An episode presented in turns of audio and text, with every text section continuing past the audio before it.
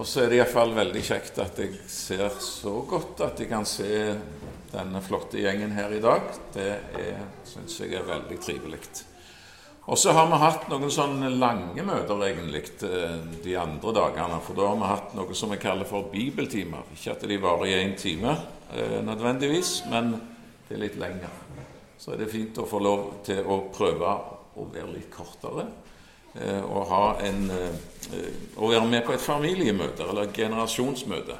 Men vi har eh, snakka om noen folk i Bibelen som levde for lenge, lenge siden. Det står om dem i ei bok som heter Hebreabrevet, og det ellevte kapittel. Og så er det én person som det står om der, som jeg egentlig hopper over en dag. Og derfor så kan jeg spole litt tilbake og snakke litt om han.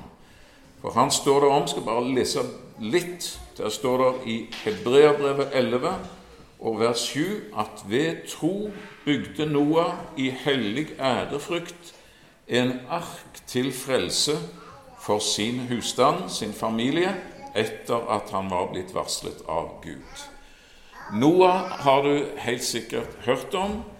Eh, han bygde en ark. Et ark det vet vi hva er for noe, og vi vet vel hva én ark òg er, selv om det er mer sjelden.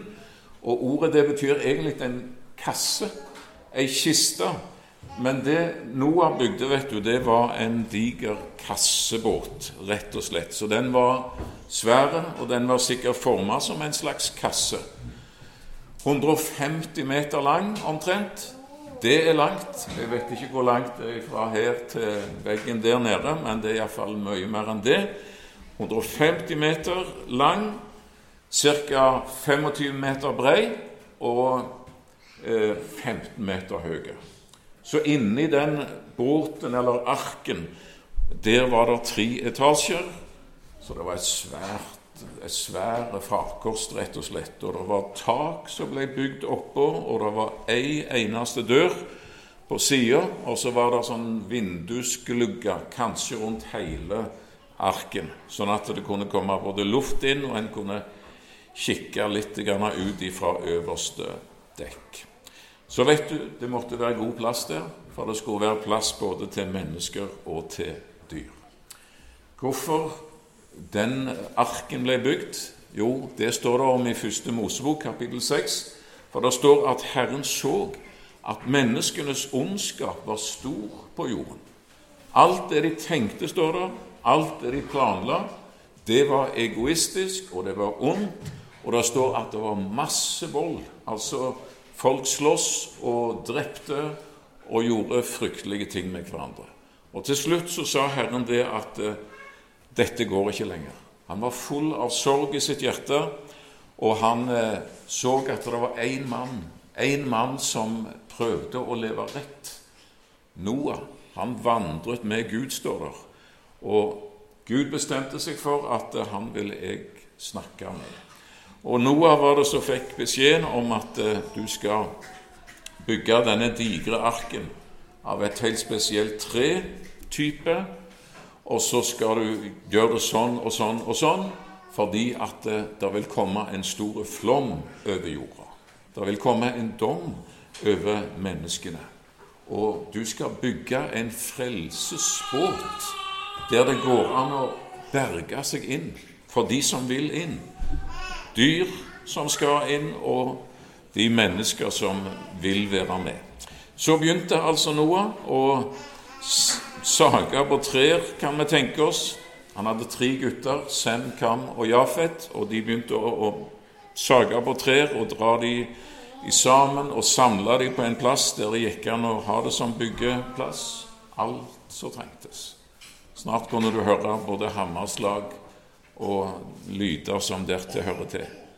Sikker på at det var mennesker som var nysgjerrige. Kanskje Noah hadde en nabo eller en som gikk forbi og spurte hva, hva driver du med, Noah? Eh, jo, jeg bygger en båt, en kassebåt, en diger eh, ark skal jeg bygge. Ok, her på land? Ja. Stor, sa du. Hvor stor skal han bli? 150 ganger 25 ganger 15 meter. Det er det jeg har fått beskjed om. Ja vel, hvem ga deg beskjed om det, noe? Gud ga meg beskjed. Ja vel. Eh, sa han noe mer? Ja, han sa at det kommer en dom og en flom over jorda. Og derfor så skal denne arken bygges til redning for de som vil. Jeg er sikker på at eh, om det var en nabo eller hvem det var, så rista de på hodet, og de begynte å snakke sammen om denne merkelige mannen. Og så kan vi egentlig bare prøve å se det for oss, hvordan det foregikk når denne arken, denne digre kassebåten, ble bygd. Ett år som går, ti år som går, og etter hvert så begynner du liksom å få bilde av hvordan dette skal bli. Eh, det er så svære dimensjoner over det alt sammen. Det skal være av tre står det, og så skal det være smørt med bek både utenpå og inni. Tjære, eh, rett og slett for å tette alt, så det ikke skulle slippe en eneste dråpe med vann inn. For det måtte være helt vanntett.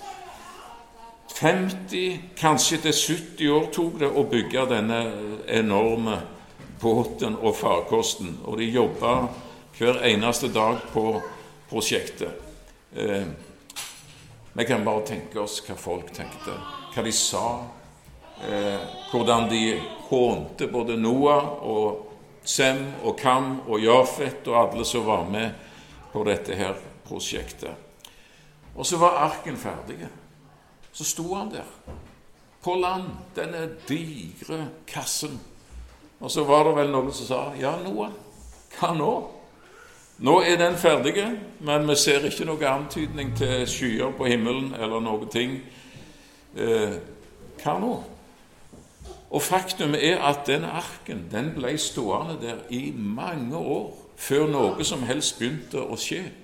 Og Peter han sier det i Bibelen at Guds tålmodighet venta i 120 år før dommen kom.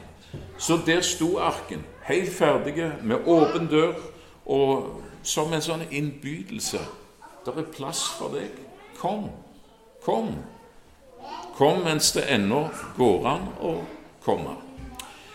Det var det ingen som brydde seg om, eh, forstår man når vi leser Bibelen. og Jesus sier det i Matteus kapittel 24 at sånn skal det være òg før han kommer igjen, som det var i Noas dager, for det var ingen som brydde seg, rett og slett.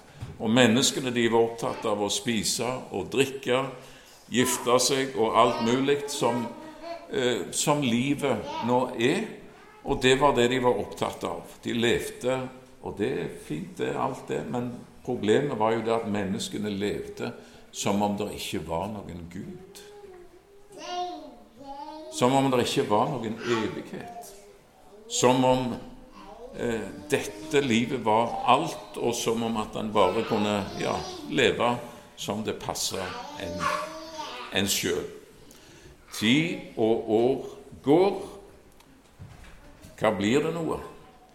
En dag skjer det noe merkelig, en underlig posisjon. Og hvis vi tenker oss, og det står det ikke noe om i Bibelen akkurat hvordan det skjedde, men hvis vi tenker oss at denne naboen eh, en dag kommer inn til sin kone i huset og sier at eh, 'du vil ikke tro hva jeg så i tak'. Jeg har aldri sett noe så merkelig. Jeg møtte på herr og fru elefant her nede i veien.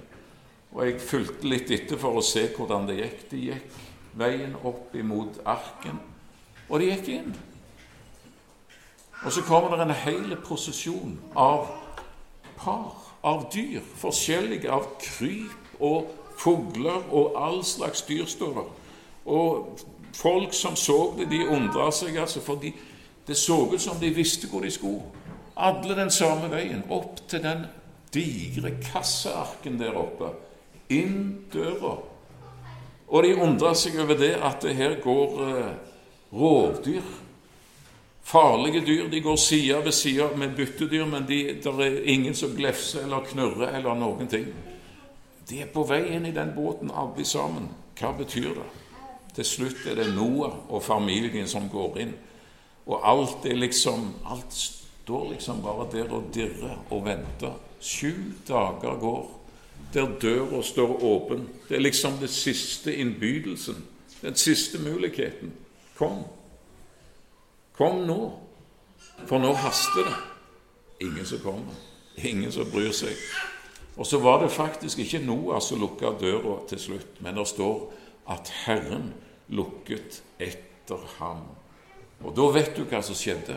Da begynte regnet å plaske nedover. Og da står det at det var som om sluser åpna seg i himmelen. Og i havet og de store dyp, der brast liksom alle kilder, og så vella det fram med vann. 40 døgn hølja det ned. Hvis du er fra Bergen, så er du gjerne ikke imponert over det, men jeg kan si deg det har aldri regna i Bergen på den måten eh, som det skjedde, for det var så enormt. Og Vi skal ikke eh, bruke tid på beretningen videre, for tida går fort, men eh, der flyter denne kassearken, ikke sant, på vannet.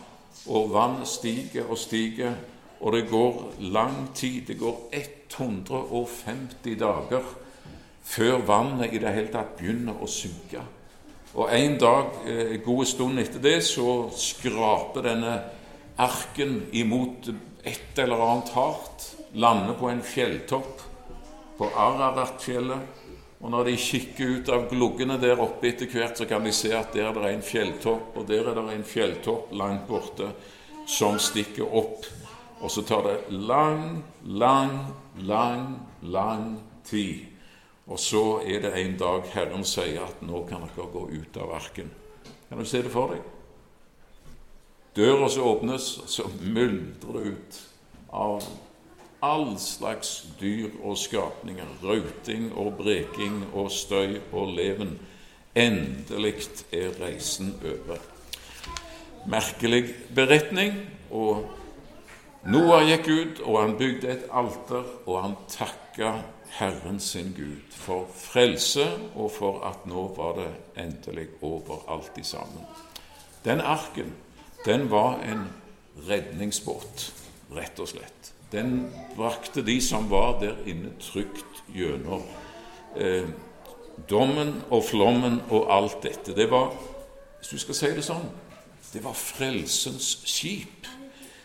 Og er det noe du og jeg behøver med mennesker, så er det faktisk frelse. For syndere behøver frelse. Og om vi er små eller store, så er det akkurat der vi er. Vi trenger å bli frelst. Og da er det bare én som Bibelen taler om, som er menneskenes frelser. Det er han som gikk i døden for deg og meg og ga sitt liv for at du og jeg skulle få evig frelse. Det er et merkelig uttrykk i Bibelen som står gang på gang på gang på gang i, i Det nye testamentet. Og Der står det at den som tror på Jesus, han er i Kristus. Når Gud ser deg, du som tror på Jesus, så ser han deg i Kristus. Jeg håper å si Han ser deg om bord i arken. Det er som om du kan si at det, det er et, et frelsesskip som heter Jesusbåten, Jesusskipet. Og når Jesus ser deg i Jesus, da ser han 0,0 synder, og han ser deg helt fullkommen og ren og tilgitt og verdige for himmelen. Og det var noe med den arken. Den skulle være helt tvetta. Den måtte være av et bestemt slag tre som tålte det, og så skulle den tjærebres, både utvendig og innvendig, sånn at ikke en eneste dråpe av dommen, av vannflommen, skulle komme på innsida. Den frelse Jesus har fullbrakt for deg og meg, den er helt vanntett. Det er ikke en glipe. Det er ikke en dråpe av fordømmelse eller synd som er i stand til å trenge igjennom det som Jesus har gjort for deg og meg. Det er 0,0 fordømmelse for den som er i Kristus Jesus, sier Bibelen. Romerbrevet 8, vers 1. Ikke ei glipe engang av fordømmelse. Og Jesu blod renser oss ifra all 100 synd. Du er om bord i frelsesarken, du som tror på Jesus, i Jesusbåten. Og Der kan vi snuble og falle, men det er veldig godt og trygt å få være der, for du faller ikke over bord når du tror på Jesus, men du, du faller om bord. Det gjør vi alle. Vi snubler alle i så mangt, sier Jesus sin bror Jakob i det brevet han skriver. Ja, det var det jeg tenkte på i dag. Det var beretningen om Noah og den merkelige kassebåten Frelsesarken. Og så er Jesus eh, din og min frelser. Så det gjelder å være i, sam, i, samme båt som Jesus, om vi skal si det sånn. Skal vi be litt? Grann? Kjære Jesus, takk for at eh, vi får lov til å tro på deg. Takk for hver enkelt her, både liten og stor. Så ser du at livet, det er ja, det er så mangfoldig. Men Jesus hjelper oss at vi kan få lov til å være iblant de som går om bord i din frelse og tar imot deg, Jesus, og sier at eh, du er min frelser. Amen.